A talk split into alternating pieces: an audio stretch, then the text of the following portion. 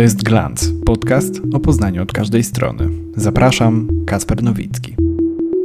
A naszą dzisiejszą gościnią jest e, profesor, doktor habilitowana Bogumiła Kaniewska, rektorka, czy rektora, czy rektor Uniwersytetu imienia Adama Mickiewicza. To może sobie na początku wyjaśnimy.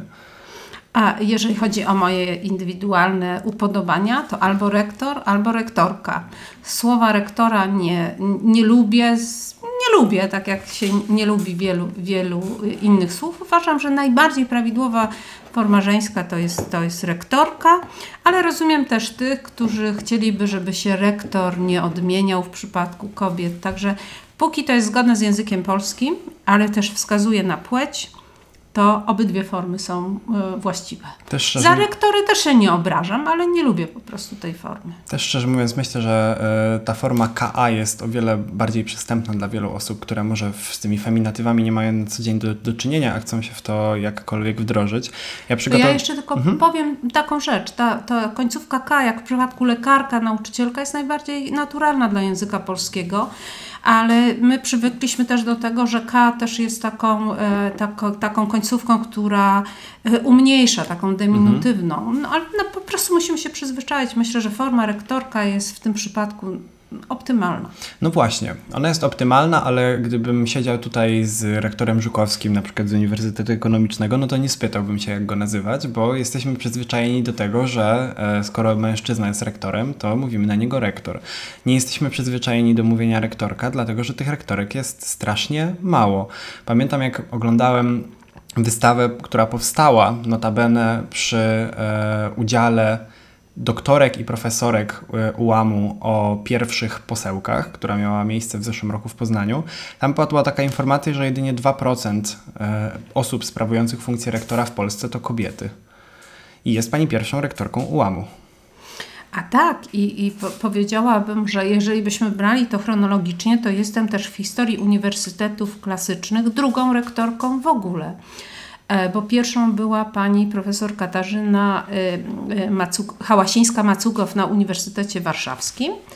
I trzecią w tej kadencji jest pani profesor Elżbieta Rządzińska z Uniwersytetu Łódzkiego. I teraz, jeżeli weźmiemy pod uwagę, e, że na przykład Uniwersytet Jagielloński istnieje już wiele setek lat i wiele innych uniwersytetów, nasz istnieje 105 e, lat, to rzeczywiście to jest bardzo kiepski, bardzo kiepski wynik. Lepiej wygląda o dziwo e, udział pań w kierowaniu politechnikami, szkołami artystycznymi a najlepiej chyba w uczelniach prywatnych. Ale to jest ciągle mało. To jest ciągle mało. Tak, no oczywiście. Natomiast wydaje mi się, że y, to, to szczerze mówiąc, y, nie podobało mi się o tyle, że kiedy została wybrana pani na rektorkę ułamu, to większość dyskusji skupiła się właśnie na tym, że jest e, rektorka, a nie rektor, a nie, e, nie za bardzo mam wrażenie, ktokolwiek zagłębiał się w program merytoryczny, jaki pani, jaki pani przygotowała, czy, czy w cały zamysł e, pełnienia tej funkcji. Przygotowując się do naszej rozmowy, oglądałem pani niedawny wykład dotyczący Alicji w Krainie Czarów i zaraz myślę, że rozwiniemy, dlaczego rektorka tak dużej uczelni interesuje się można by powiedzieć bajką czy baśnią. E, natomiast e, z takiej kronikarskiej, e, z, kronikarskiej, z kronikarskiego obowiązku powiem, że Pani praca doktorska dotyczyła narracji pierwszoosobowej w polskiej prozie współczesnej. Habilitowała się Pani w formule książki o problematyce polskiej powieści przełomu XX i XXI wieku śladami Tristana Shandy. Natomiast profesurę e, otrzymała pani po monografii poświęconej prozie Wiesława Myśliwskiego. E, na stronie uniwersytetu, wiem, że to oczywiście może różnie bywać przy pełnieniu funkcji rektorki, natomiast znalazłem informację, że e, pracuje Pani w zakładzie semiotyki literatury. I może wprowadźmy się w ten zakład, w ten element kariery naukowej, właśnie wytłumacząc, czym jest semiotyka literatury. Semiotyka literatury to takie, taka no, subdyscyplina to może za dużo y, powiedziane. To jest taki nurt w badaniach y, literaturoznawczych, w badaniach teoretyczno-literackich, który bada literaturę w kategoriach znaku, znakowości.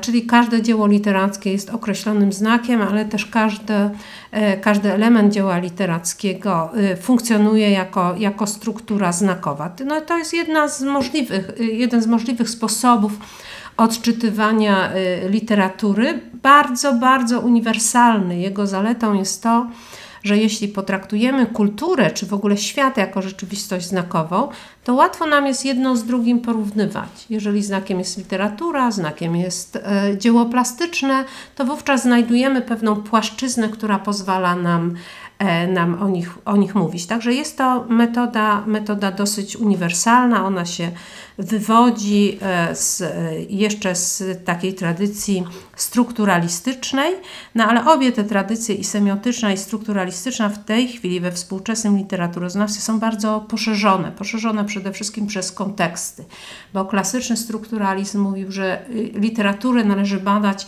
jako dzieło samo w sobie, nie zwracając uwagi na jej zakorzenienie w kulturze, w, w rzeczywistości, na konteksty. Teraz to jest znacznie bardziej poszerzone i semiotyka też jest takim otwierającym na kontekst, y, taką otwierającą na kontekst y, metodologią.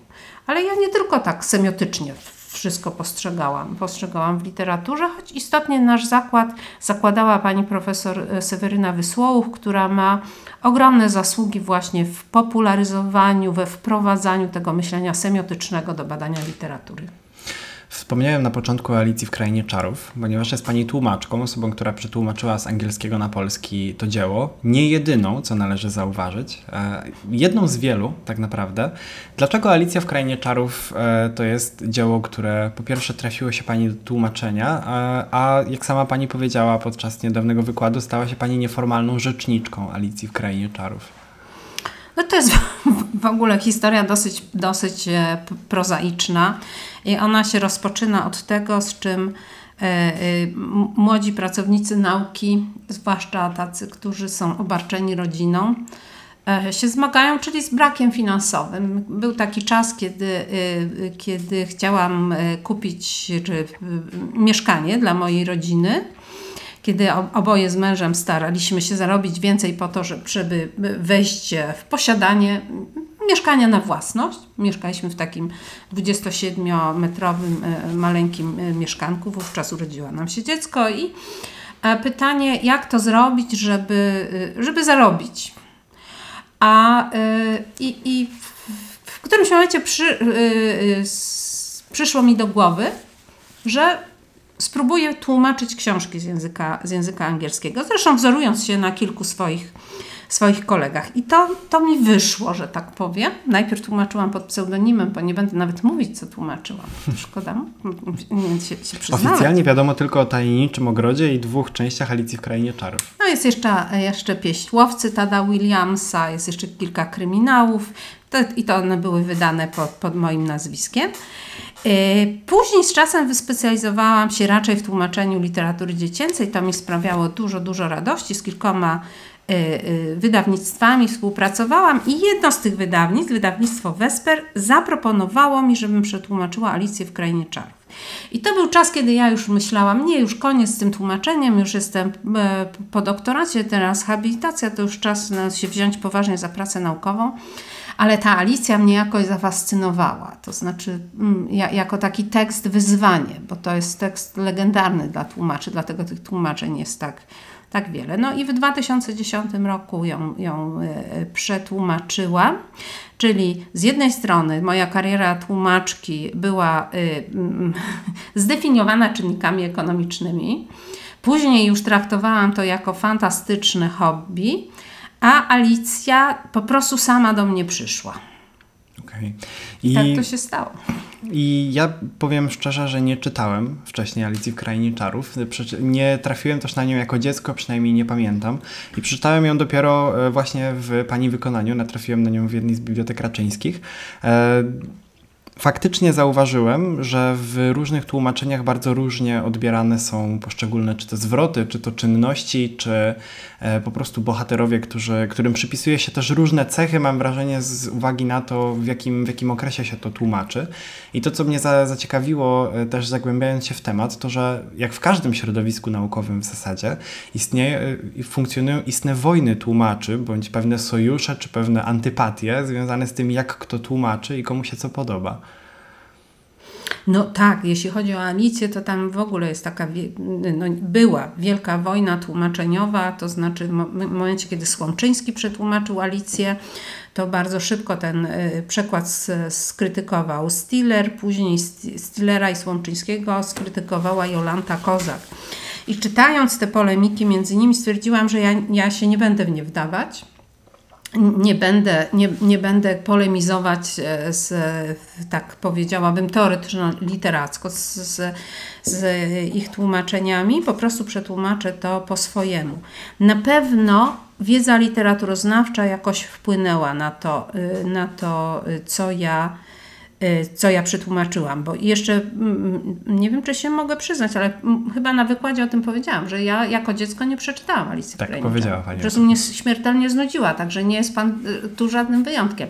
I przeczytałam Alicję dopiero po raz pierwszy, całą, po angielsku, wtedy, kiedy mi zaproponowano jej tłumaczenie i wtedy się nią e, nią e, zachwyciłam. I mi się wydawało, że dokonuje bardzo dobrego tłumaczenia. Ale jak dzisiaj czytam, to widzę własne błędy, mnóstwo, mnóstwo ich jest, dlatego ta teza, która wybrzmiała w wykładzie, że na Alicji wszyscy polegniemy. Każde tłumaczenie Alicji jest klęską. Tylko to są klęski różne. Po prostu. Słyszałem ostatnio taką frazę, że jeżeli patrzy się na to, co się zrobiło kilka czy kilkanaście lat temu i uważa się to za e, jakieś niedociągnięcia, czy, czy tym bardziej błędy, to znaczy, że idziemy w dobrym kierunku, a nie stoimy, nie stoimy w miejscu. E, porozmawialiśmy troszeczkę o e, działalności naukowej i akademickiej, natomiast chciałbym przejść do funkcji, którą pani pełni. Funkcji, która, jak sobie myślałem o tym, co się stało w trakcie e, urzędowania przez panią, chociaż nie wiem, czy to jest dobre słowo, na kadencji rektorki, na stanowisku rektorki Uniwersytetu imienia Adama Mickiewicza w Poznaniu, stało się wiele bardzo trudnych, ale też po prostu istotnych dla, dla, dla historii rzeczy. E, zostaje pani e, rektorką w 2020 roku, e, w środku pandemii. I od razu przychodzi mierzyć się pewnie z kryzysami, które, których może poprzedni rektorzy nie mieli na karku. Myślę oczywiście o nauce zdalnej. Jak wspomina Pani e, samo przestawienie tak wielkiej uczelni, jaką jest UAM, na takie tryby, które e, no, nie były dotychczas spotykane? I czy z tego wywniosku, wy, wywnioskujemy może jakieś zalecenia, czy jakieś wręcz przeciwnie e, propozycje dla tego, jak będzie wyglądać kształt nauki akademickiej w przyszłości? Mhm. To y, y, y, rozpocznę, rozpocznę od tego momentu przejścia z funkcji prorektorki na funkcję rektorki. Ona się w całości odbywała w pandemii i tutaj powiedziałabym, ja trochę miałam ułatwione zadanie, bo najtrudniejszy moment nastąpił w marcu 2020 roku, wtedy kiedy się toczyła cała kampania wyborcza, kiedy trzeba było rzeczywiście przestawić, e, przestawić nauczanie na zdalne, ale wydawało nam się wtedy, że my przestawiamy to nauczanie na chwilę. Na kilka tam, tygodni. No, w marcu do, do świąt wielkanocnych góra. To potem było, e, no w maju na pewno wrócimy. I jak kończyliśmy rok akademicki, wszyscy byliśmy przekonani, że w październiku na pewno wracamy do normalnego funkcjonowania. Ale w trakcie lata okazało się, że wcale nie. W związku z czym mieliśmy czas, ten czas wakacyjny, żeby przygotować uniwersytet, żeby przygotować też przepisy, bo to też było, było ważne. Y, w, trochę czekaliśmy na decyzje ministerstwa, one nie następowały. Powiedziałabym, że nasza praktyka wyprzedzała decyzję ministerstwa i w październik już weszliśmy w miarę dobrze przygotowani. Dwa najtrudniejsze momenty to było wchodzenie w tryb zdalny, a potem wychodzenie z trybu zdalnego, bo trzeba było zdecydować, czy to już, a wiele osób się tego powrotu do normalnej nauki e, bało i w ogóle go y, y, nie chciało. No i, i, to były, i to były dwa, dwa takie trudne momenty, ale potem nastąpił jeszcze trudniejszy, czyli wybuch wojny w Ukrainie i tego nikt nie był w stanie, e, w stanie e, przewidzieć. Ja nie chcę porównywać tej kadencji do kadencji innych rektorów. Mnie się wydaje, że ona jest wyjątkowo trudna. Ale kiedyś od in, in, z jednego ze swoich poprzedników usłyszałam, że wszystkim rektorom się wydaje, że, że mm, funkcjonują w najtrudniejszym momencie. E, no więc e, e, to, to powiedzmy sobie, że to jest najtrudniejsza kadencja dla mnie, bo, bo też kwestie związane z sytuacją polityczną w Polsce, z taką silną polaryzacją postaw, postaw politycznych też nie ułatwiają pełnienia funkcji e, rektorskich. No a teraz jeszcze do tego dochodzi kryzys ekonomiczny, więc mamy taki komplecik rozmaitych wyzwań. Ale właśnie, no, rektor, jeden z moich kolegów rektorów mówi, nie mów o problemach, mów o wyzwaniach, więc mówię o wyzwaniach. Jest trudno. Jest trudno. Mnie, mnie jest trudno. Od jest, razu powiem. Mhm. Jest trudno i mierzy się, wydaje mi się pani z kryzysami, z którymi mierzyć musi się każdy rektor, e, czy po prostu osoba zarządzająca dużą instytucją. Jednym z ostatnich takich największych, teraz nie wiem jak to nazwać, wydaje mi się, że to nie był kryzys, ale sprawa, która była bardzo obecna w przestrzeni publicznej, była sprawa akademika Jowita. Mhm. Ja, e, jako że podjąłem decyzję, że będę też częściowo oddawał głos e, osobom nas słuchającym, pomimo że nie nadajemy na żywo, to zapytałem kilku osób, które są jakkolwiek związane, czy to z samorządami, czy to z, po prostu studiują na, e, na ułamie, czy wokół niego się obracają. E, czy mają do Pani jakieś pytania? które, które miałbym zadać. I oczywiście 95% e, wszystkiego, co było się pojawiało, to była Jowita, Jowita, Jowita. Ja mówiąc szczerze, kiedy cała sprawa wokół Jowity miała miejsce, odciąłem się całkowicie od informacji, ponieważ poziom tak niski debaty, jaka się wokół tego działa, tak bardzo grający, mam wrażenie, na emocjach, a nie za bardzo dostrzegający szerszy obraz, mnie po prostu e, absolutnie e, przytłoczył. Natomiast chciałbym może, żebyśmy pomimo tego, że ta sprawa była tak obecna w mediach, to przeszli przez to jeszcze raz od początku. E, może po prostu e, dałbym Pani na dwie minuty mikrofon i abyśmy mogli sobie jeszcze raz e, przytoczyć, dlaczego Akademik w centrum miasta musi zniknąć i, i, i jakie to będzie miało konsekwencje. Zacznijmy od samego początku. Jest rok 2013, kiedy Uniwersytet po raz pierwszy wystawia Jowitę na sprzedaż. Tego już najstarsi ludzie nie pamiętają, Państwo studiujący zwłaszcza. Ale była taka próba, ona została zaniechana z powodów, y, których ja nie znam. Dzisiaj y, osoby, które to pamiętają, mówią, że była to taka próba pilotażowa.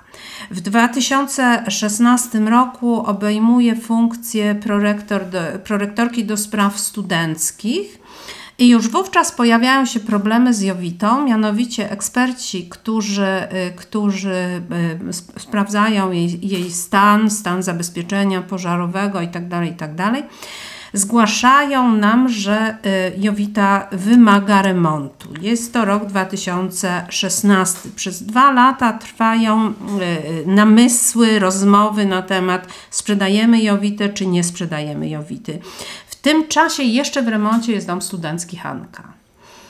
E, I, e, odrestaurowany po królewsku. Odrestaurowany po królewsku, tak, wspaniale, ale też to powoduje, że to jest budynek w utrzymaniu, e, w utrzymaniu drogi.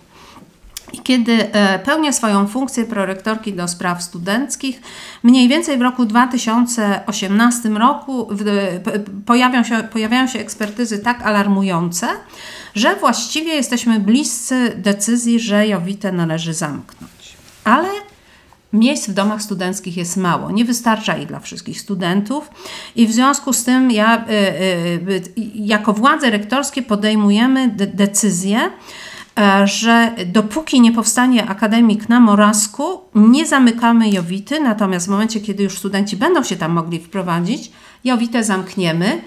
Do remontu, do sprzedaży ta decyzja jeszcze wówczas nie zapada, ale cały czas y, y, raczej y, ci, którzy się znają, optują za tym, żeby ona była przeznaczona do sprzedaży. A czy jedną rzecz mogę uściślić tak? właśnie w tym momencie? Czy ta informacja o tym, że kiedy, bo mam wrażenie, że tego wiele osób nie wiedziało. Że ta informacja o tym, że w ogóle Akademik na Morawsku powstaje, który będzie większy pod kątem mhm. liczby pokoi niż Jowita i że Jowita zostanie zamknięta, kiedy ten on powstanie, ta informacja wtedy już wypływa do przestrzeni publicznej. To tak, znaczy, tak. Wtedy Można znaleźć w Gazecie Wyborczej artykuł z 2018 roku, że Jowita zostanie mhm. przeznaczona do, do, do sprzedaży. To, to Państwa, którzy w tej chwili studiują jeszcze na studiach, na studiach nie było, także ta informacja przedostaje się do przestrzeni publicznej, bo w 2018 roku toczy się dyskusja o przyszłości Jowity. Ja wtedy też jestem zaproszona do studia telewizyjnego, rozmawiamy o tym. Toczy się podobna dyskusja jak w tej chwili o przestrzeni miejskiej, tylko powiedziałabym, że na trochę innym, y, na trochę innym poziomie. I zdania są już podzielone, czy Jowita powinna zostać, czy nie powinna, ale ona toczy się wówczas w przestrzeni medialnej. Studenci interesują się tą sprawą mniej, no bo wiedzą, że y, w tej chwili Jowita nie zostanie, nie zostanie zamknięta. Sprawa akademika na Morawsku się przeciąga co najmniej o rok, bo też mm, rozmowa o budowie akademika na Morawsku zaczyna się za czasów jeszcze, jeszcze rektorowania rektora Marciniaka. Tam wówczas powstaje pomysł, żeby zbudować y, akademik w tak, tak zwanym partnerstwie publiczno-prywatnym. Są jakieś kłopoty prawne. E, no i, e, e, no i ostatecznie do tego nie dochodzi. My się staramy o dofinansowanie z ministerstwa na akademik. Dostajemy je, rusza budowa akademika na Morawsku. Miała się ona skończyć, w, mieliśmy, studenci pierwsi mieli wejść do akademika już w bieżącym roku akademickim, co się nie stało ze względu na wojnę w Ukrainie. To powoduje, że nam schodzą robotnicy z budowy, my musimy przeszacować ten akademik, dodać pieniądze, żeby, żeby go wykończyć. Przy czym dodać pieniądze w przypadku takiej instytucji jak uniwersytet to nie jest po prostu wyjąć pieniądze i dać. Tak to jak się stało na przykład z projektem Centrum, gdzie miasto po prostu pieniędzy zwiększyło deficyt, pozyskało tak. kolejne pieniądze mhm. i. My musieliśmy e, zawrzeć nową umowę. Ta umowa musiała przejść przez e, prokuratorię generalną, przez ugodę sądową, bo do tego zobowiązuje nas dyscyplina finansów publicznych. Każdy nowy wydatek musiał być, musiał być udokumentowany. W dodatku mm, budowa akademika na Morawsku zaczęła się później ze względu na pewne perturbacje z miastem które też skończyły się w samorządowym kolegium odwoławczym, które wydało, e, że tak powiem, no, wyrok korzystny dla nas. Mhm. Miasto chciało nas obciążyć budową drogi dojazdowej, no szczęśliwie, szczęśliwie y, ten, y, to ciało odwoławcze uznało, że, że są to wymogi zbyt duże wobec uniwersytetu i dopiero wtedy dostaliśmy pozwolenie na budowę. I to wyjaśnia, dlaczego ta sprawa akademika na Morawsku tak się, tak się prze, przewlekała. Tym samym czasie myśmy prowadzili w Jowicie takie e, inwestycje, takie remonty, które zapewniały bezpieczeństwo, ale no nie, nie były to wielkie nakłady finansowe, to znaczy e, e, zmniejszyliśmy liczbę osób zakwaterowanych na wyższych piętrach no ze względu właśnie na bezpieczeństwo przeciwpożarowe.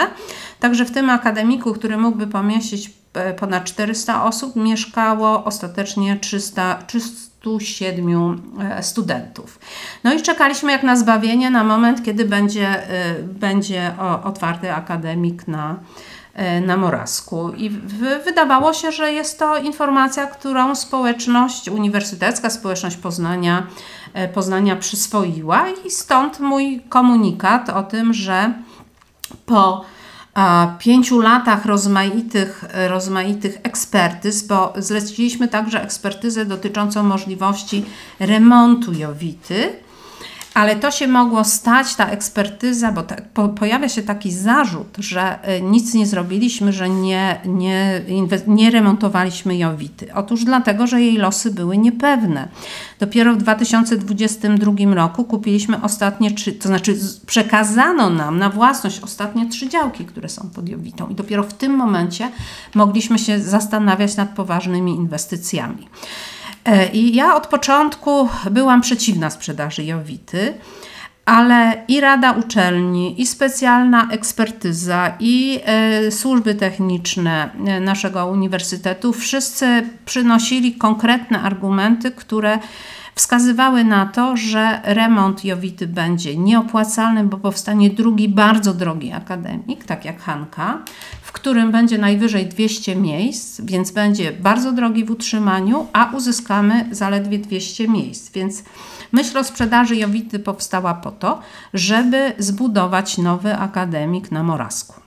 I teraz. Y, Osobny od tego, który już jest teraz drugi, zbudowany. Tak, tak, tak, tak, obok tego. A ile w tym tego. nowym, który już teraz powstał jest 400. miejsc? Czyli, więcej, czyli mniej więcej tyle, ile mogłoby być w Jowicie przy jej pełnym obłożeniu. Tak jest. Mhm. Tak jest. Czyli całkowite zastępstwo, ale zgadzam się tu z tym, że miejsc nie przybyło. Choć jeśli weźmiemy jako stan wyjściowy ten moment, kiedy Hanka była w remoncie, no to mhm. jesteśmy Jowicie jest mniej miejsc przez tak, przepisy pożarowe. Jesteśmy mhm. w, w, lepszej sytuacji niż, niż, byliśmy, niż byliśmy wcześniej. E, no i wydawało, wydawało się, wydawało się nam, że to jest e, powszechna wiedza, że ten nowy akademik, e, kiedy on powstanie, to e, będziemy decydować, co dalej z Jowitą. I ja uznałam za uczciwe za, poinformować społeczność uniwersytetu o dalszych losach, o dalszych losach Jowity. I teraz tak. Jowita nie jest jeszcze wystawiona do, do sprzedaży. E, y, jeżeli pojawi się jakieś inne rozwiązanie, to my je oczywiście rozważymy, ale ciągle jest ten sam dylemat. Remont Jowity będzie bardzo, bardzo drogi i dzięki niemu zyskamy około 200 miejsc w akademiku. Jeżeli byśmy się zdecydowali na budowę, na inwestycje, mielibyśmy Czyli zbudowanie od zera przy wyburzeniu, tak? Tak jest. Mhm zbudowanie, ale na Morasku. Na Morasku. Na Morasku tak, tak. Bo rozumiem, że nigdy nie była brana pod uwagę na przykład wariant, żeby całą Jowitę wyburzyć i na tych działkach postawić akademik. To, to by było jeszcze, jeszcze droższe, droższe, niż remont. Mhm. Okay. To by było jeszcze droższe Jasne. niż remont, bo gdybyśmy wyburzyli e, e, Jowitę i postawiali na nowo, wyburzenie takiego budynku jeszcze w centrum miasta jest niezwykle drogie. Myśmy mhm. wyburzali takie stare budynki w, w, w ogrodzie botanicznym i to kosztowało nas w sumie, nie chcę teraz zmyślać, ale około miliona złotych. Mhm. Wyburzenie, wywiezienie, a Jowita jest dużo, y, dużo większym y, przedsięwzięciem, ale też zauważmy, że wielu osobom chodzi o to, żeby Jowitę zachować w, tym, w tej w tej Jako w tej też walor postaci. historyczny, architektoniczny. Z tym walorem Chociaż ja szczerze mówiąc... bym nie przesadzała. Wystarczy porozmawiać z tym, z architektem, z panem Skupniewiczem, który e, był jednym z projektantów Nie mówię całkowicie to... subiektywnie, nie, nie, nie dostrzegam tam wielkich e, walorów architektonicznych, oczywiście poza tym ładnym napisem centra, który już, no tam już z tego co wiem nie ma żadnych biur. E, natomiast rozumiem, że w takim razie sytuacja jest prosta. Jowita zostanie sprzedana. To jest, rozumiem, postanowione. Na na Jeżeli pewno nie, nie, Jowita, nic nie spadnie z nieba. Tak, na pewno Jowita y, zostanie zamknięta od października. Będziemy powoli wygaszać też to, te piętra, piętra hotelowe, bo one też są w kiepskim, e, w, w kiepskim stanie, ale studenci po prostu dostaną przydział do innych akademików. E, czy co, co, co z Centrum Poznania? No proszę Państwa, dla mnie e, akademiki takie jak Zbyszko Jagienka i Babilon o najsłabszej, umówmy się, jakości i też wymagający remontu, e, to są, to są akademiki jednak w centrum Poznania, no nie mhm. w ścisłym centrum, ale, y, ale no w bezpośredniej, bezpośredniej bliskości, y, bliskości Poznania. Jest jeszcze y, możliwość taka, że zbudujemy akademik w centrum na tym terenie, który w sąsiedztwie Wydziału Prawa. To są rozmaite możliwości, ale nie zmienia to faktu, że będzie to możliwe tylko jeśli spadną nam y, jakieś pieniądze, o które się staramy, ale y, y, sprzedaż Jowity spowodowałaby, że mielibyśmy dużo większe szanse na to, żeby w najbliższym czasie zbudować kolejny, kolejny akademik. A o jego lokalizacji oczywiście można, można dalej rozmawiać. Rozumiem. Czyli w takim razie y, mhm. temat jest tyle zamknięty, że y, rozmawiamy po pierwsze o pieniądzach, po drugie o prawie, a po trzecie o też z tego co pamiętam dosyć skomplikowanej y, sytuacji gruntów w okolicach Jowity, o której też, które też były podnoszone przy, przy całym tym procesie. Zahaczyliśmy o Morasko i myślę, że dobrze, bo chciałbym też o nim porozmawiać w kontekście właśnie spraw studenckich trochę, spraw urbanistycznych wydaje mi się, że jeszcze bardziej. Kiedy spytałem o to y, naszych słuchaczy, o co panią zapytać, padła propozycja, żebyśmy porozmawiali o zagospodarowaniu Muraska. To znaczy zagospodarowaniu przestrzeni, która szczerze mówiąc mi się podoba jako budynki. Bardzo lubię przebywać, pomimo że nie jestem studentem e, UAM-u. Zapraszam. E, może w przyszłości. E, natomiast podoba mi się te, podobają mi się te budynki od środka. Natomiast powiem szczerze, kiedy dojeżdża się tam z osiedla Sobieskiego e, i staje się pomiędzy nimi, to mam wrażenie wielkiej pustki. To znaczy, mamy oczywiście e, duże budynki e, wydziałów, mamy duży parking, natomiast kiedy myślę sobie o osobach, które będą mieszkać w tych akademikach, to bardziej od tego, że nie są w ścisłym centrum, a umówmy się, jest to mimo wszystko 12 minut tramwajem od Ronda Caponiera, więc nie, jest, nie są to też jakieś podolamy to bardziej zastanawia mnie, jak tam żyć. To znaczy, nie, ciężko tam o sklepy, o punkty usługowe i zastanawiam się, czy UAM przy też tym założeniu, że będzie tam coraz więcej e, mieszkań akademickich, jeżeli po, wyszłaby ta opcja z budową kolejnego akademika, myśli o zagospodarowaniu tej przestrzeni. Mhm. To już, bo to, tu, tu jest do, wiele, wiele problemów wbrew pozorom e, e, do, do, do poruszenia. Morasko.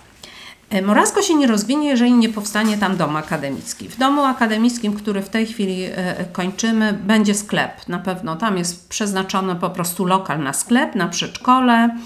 E, także, także no, dążymy do tego, żeby, żeby to Morasko no nie ożywić, bo ono nie jest martwe, ale żeby rzeczywiście tam tego, tego życia, także takiego funkcjonowania w codzienności E, było więcej i te, te cele nam przyświecają, w, y, kiedy mówimy o budowie ewentualnie kolejnego drugiego akademika e, na Moravsku. Jeszcze dodam, że miałby być to budynek całkowicie pasywny, a więc to byłby też budynek, który Energetycznie. E, energetyczny, który też pomógłby w funkcjonowaniu uniwersytetu, bo no, przy tym budynku powstałaby też E, e, byłyby źródła ciepła, energii, które, które pomogłyby w funkcjonowaniu nie tylko tym dwóm akademikom, dzięki którym te, e, byłyby one tańsze w utrzymaniu, ale także pomogłyby poszczególnym wydziałom. Ja tylko teraz zrobię małą dygresję i powiem, dlaczego tańsze w utrzymaniu to jest taki ważny argument.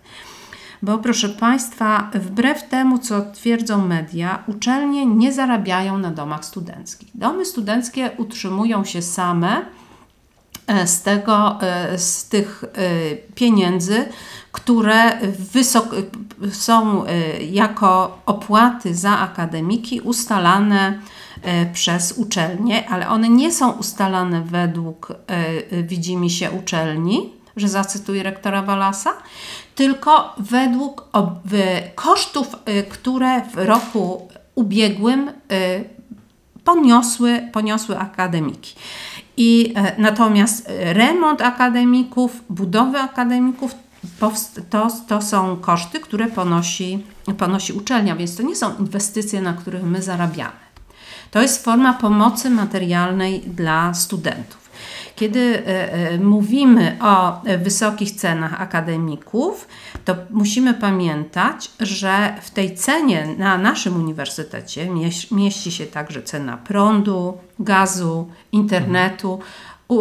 E, studenci, jeśli, jeśli najdroższy pokój kosztuje 1000, miejsce w pokoju w jedynce w akademiku 1100 w Hance ponad, a to to jest całość kosztów, jakie student ponosi. I to jest poniżej kosztów rynkowych, bo celowo zrobiłem research jeszcze przed naszą rozmową. To jest o kilkaset złotych mniej niż na rynku, gdybyśmy chcieli tak taki jest. pokój wynająć w mm -hmm. mieszkaniu mhm. prywatnym. Mm -hmm. A trochę y, zwróćmy uwagę, że na przykład Uniwersytet Medyczny do ceny, y, poko do ceny pokoju do, dolicza ceny mediów. My nie.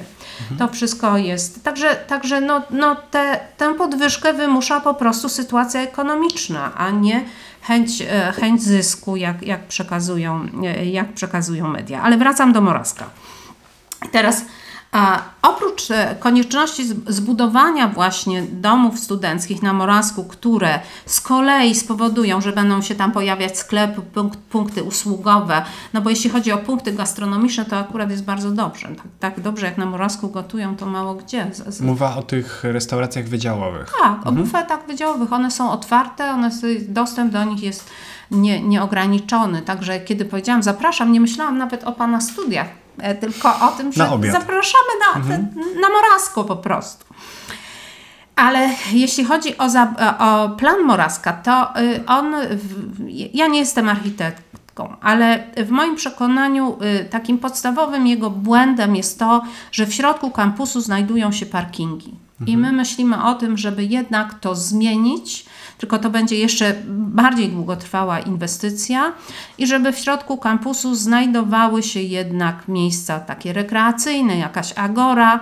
Natomiast, natomiast przejazd przez kampus e, byłby jakby po linii dookoła kampusu, wjeżdżałoby mhm. się na te parkingi z drugiej strony. E, druga kwestia, która, czy trzecia, która spowoduje ożywienie e, życia na Morawsku, to jest fakt, że bardzo blisko, tuż za Wydziałem Historii, powstanie y, stacja kolei metropolitalnej.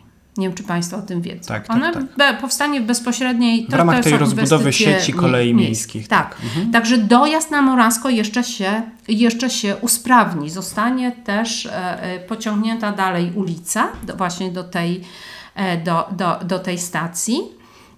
E, także, e, także to, to, to Morasko będzie się przebudowywało. O to idzie wszystko trochę wolniej niż, niż, niż się spodziewaliśmy, ale takie zmiany na Morasku, na Morasku planujemy. Do tego jest zaplanowany park. E, są, miała być jeszcze jedna inwestycja, ale ta to już jest no, w trochę dalszej przyszłości, chodzi o budynek archiwum i tam też będą przewidziane, y, y, przewidziane miejsca na lokale usługowe, na, na sklep. Czyli rozum, podsumowując, mamy, y, co jest dosyć ciekawą deklaracją, do której wcześniej nie dotarłem, zamiana części parkingów na przestrzenie rekreacyjne. To jest najnowszy pomysł, mhm. on dopiero co został przedstawiony i on y, pewnie jeszcze parę dobrych lat upłynie, zanim to się stanie. Mhm. Mamy rozbudowę infrastruktury mieszkaniowej, przynajmniej w obecnych założeniach, jeszcze poza tym domem, który, który już powstaje. E, mamy także rozwój tej, e, tego budownictwa już w kierunku pasywnym energetycznie. I rozumiem, że idziemy powoli w, w, kierunku budowania takiego miasteczka uniwersyteckiego. Można, może to jest przesada, jeżeli mówimy o takich miasteczkach, jak powiedzmy mamy do czynienia w Stanach Zjednoczonych na tych największych uniwersytetach, ale w skali Poznania wydaje mi się, że nie ma chyba takiego drugiego y, dużego kampusu, może poza Uniwersytetem Przyrodniczym na, na Sołaczu, w którym byłoby e, powiedzmy tak dużo funkcji w jednym miejscu, czyli idziemy w kierunku rozbudowy. Ja też szczerze mówiąc mam wrażenie, wrażenie, że cały kampus na Morawsku, on powstał troszeczkę w ramach takiego ja to nazywam hura optymistycznym boomem europejskim. Po tym jak wyszliśmy do Unii Europejskiej, nagle się pojawiły te pieniądze i nagle zaczęliśmy budować takie giga inwestycje i mam wrażenie, że wtedy nie przemyślano, czy to kwestii tych parkingów, czy, czy różnych kwestii usługowych. Zahaczyliśmy o zahaczyliśmy o e, pasywność energetyczną budynków i to jest ostatnie pytanie, które, które chciałbym zadać, a które też dostałem od e, osoby nas słuchającej. Czy UAM ma, poza tym co już wiemy, jakieś plany związane ze zrównoważonym rozwojem? Tak, absolutnie, ale ja jeszcze jedną rzecz muszę dopowiedzieć. Mhm. Dobrze, jeśli Jasne. co do tego zagospodarowania kampusu Morasko. Bo to, to rzeczywiście wyrastało z takiego pomysłu, żeby właściwie uniwersytet wyprowadzić na Morasko, ale kampus Morasko, jeśli chodzi o budynki dydaktyczne, już się dalej rozwijać nie ma. Mhm. Tu kampus centralny zostaje, jak zresztą widać po inwestycjach. Jest to Kolegium Heliodori, gdzie się mieści anglistyka na, na ulicy yy, Grunwaldzkiej. E, I to jest taki model mieszany, gdzie jest e, e, budynek, jest w mieście kampus, a oprócz tego także w centrum są, są budynki uniwersyteckie, trochę jak w Strasburgu. Także w Europie takie modele są, są obecne. Natomiast co do zrównoważonego rozwoju, to tak. E, cały czas kontynuujemy nasze prace nad wyposażaniem tych budynków, które są możliwe w, w panele fotowoltaiczne. I ta, to, to jest takie działanie już w tej chwili się rozwijające cały czas. Dalej planujemy współpracę z Uniwersytetem w Odense w Danii, to jest nasz partner epikurowy, gdzie jest bardzo dobrze rozwinięty tak zwany Green Office. I mhm. on jest rozwinięty e, poprzez bardzo proste rozwiązania proekologiczne, jak na przykład obsadzono zielenią e, parking, e, auto, przystanek autobusowy. I tu już nawiązaliśmy z, z tym uniwersytetem współpracę w tym zakresie.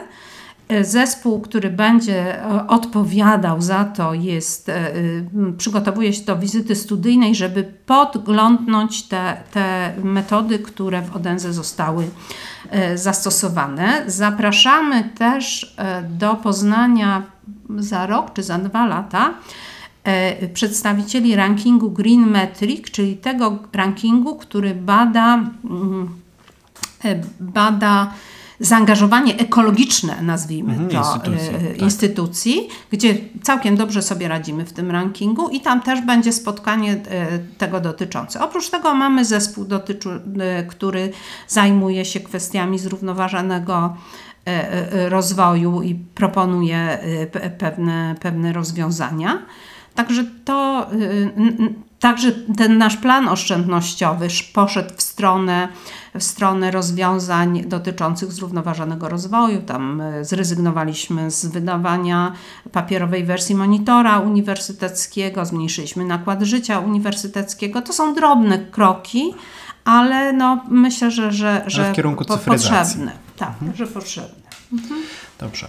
E, bardzo dziękuję. Była z nami dzisiaj nieformalna rzeczniczka Alicji w Krainie Czarów, znana także jako rektorka Uniwersytetu imienia e, Adama Mickiewicza. Rozmawialiśmy o Jowicie, o e, nie, nie, nie bezpośrednio, ale także o formach narracyjnych, którymi zajmuje się Pani też po, po części naukowo i o wszystkim, czego dotyczy Uniwersytetu także ze strony osób, które nie są w niego na co dzień zaangażowane. Dziękuję bardzo.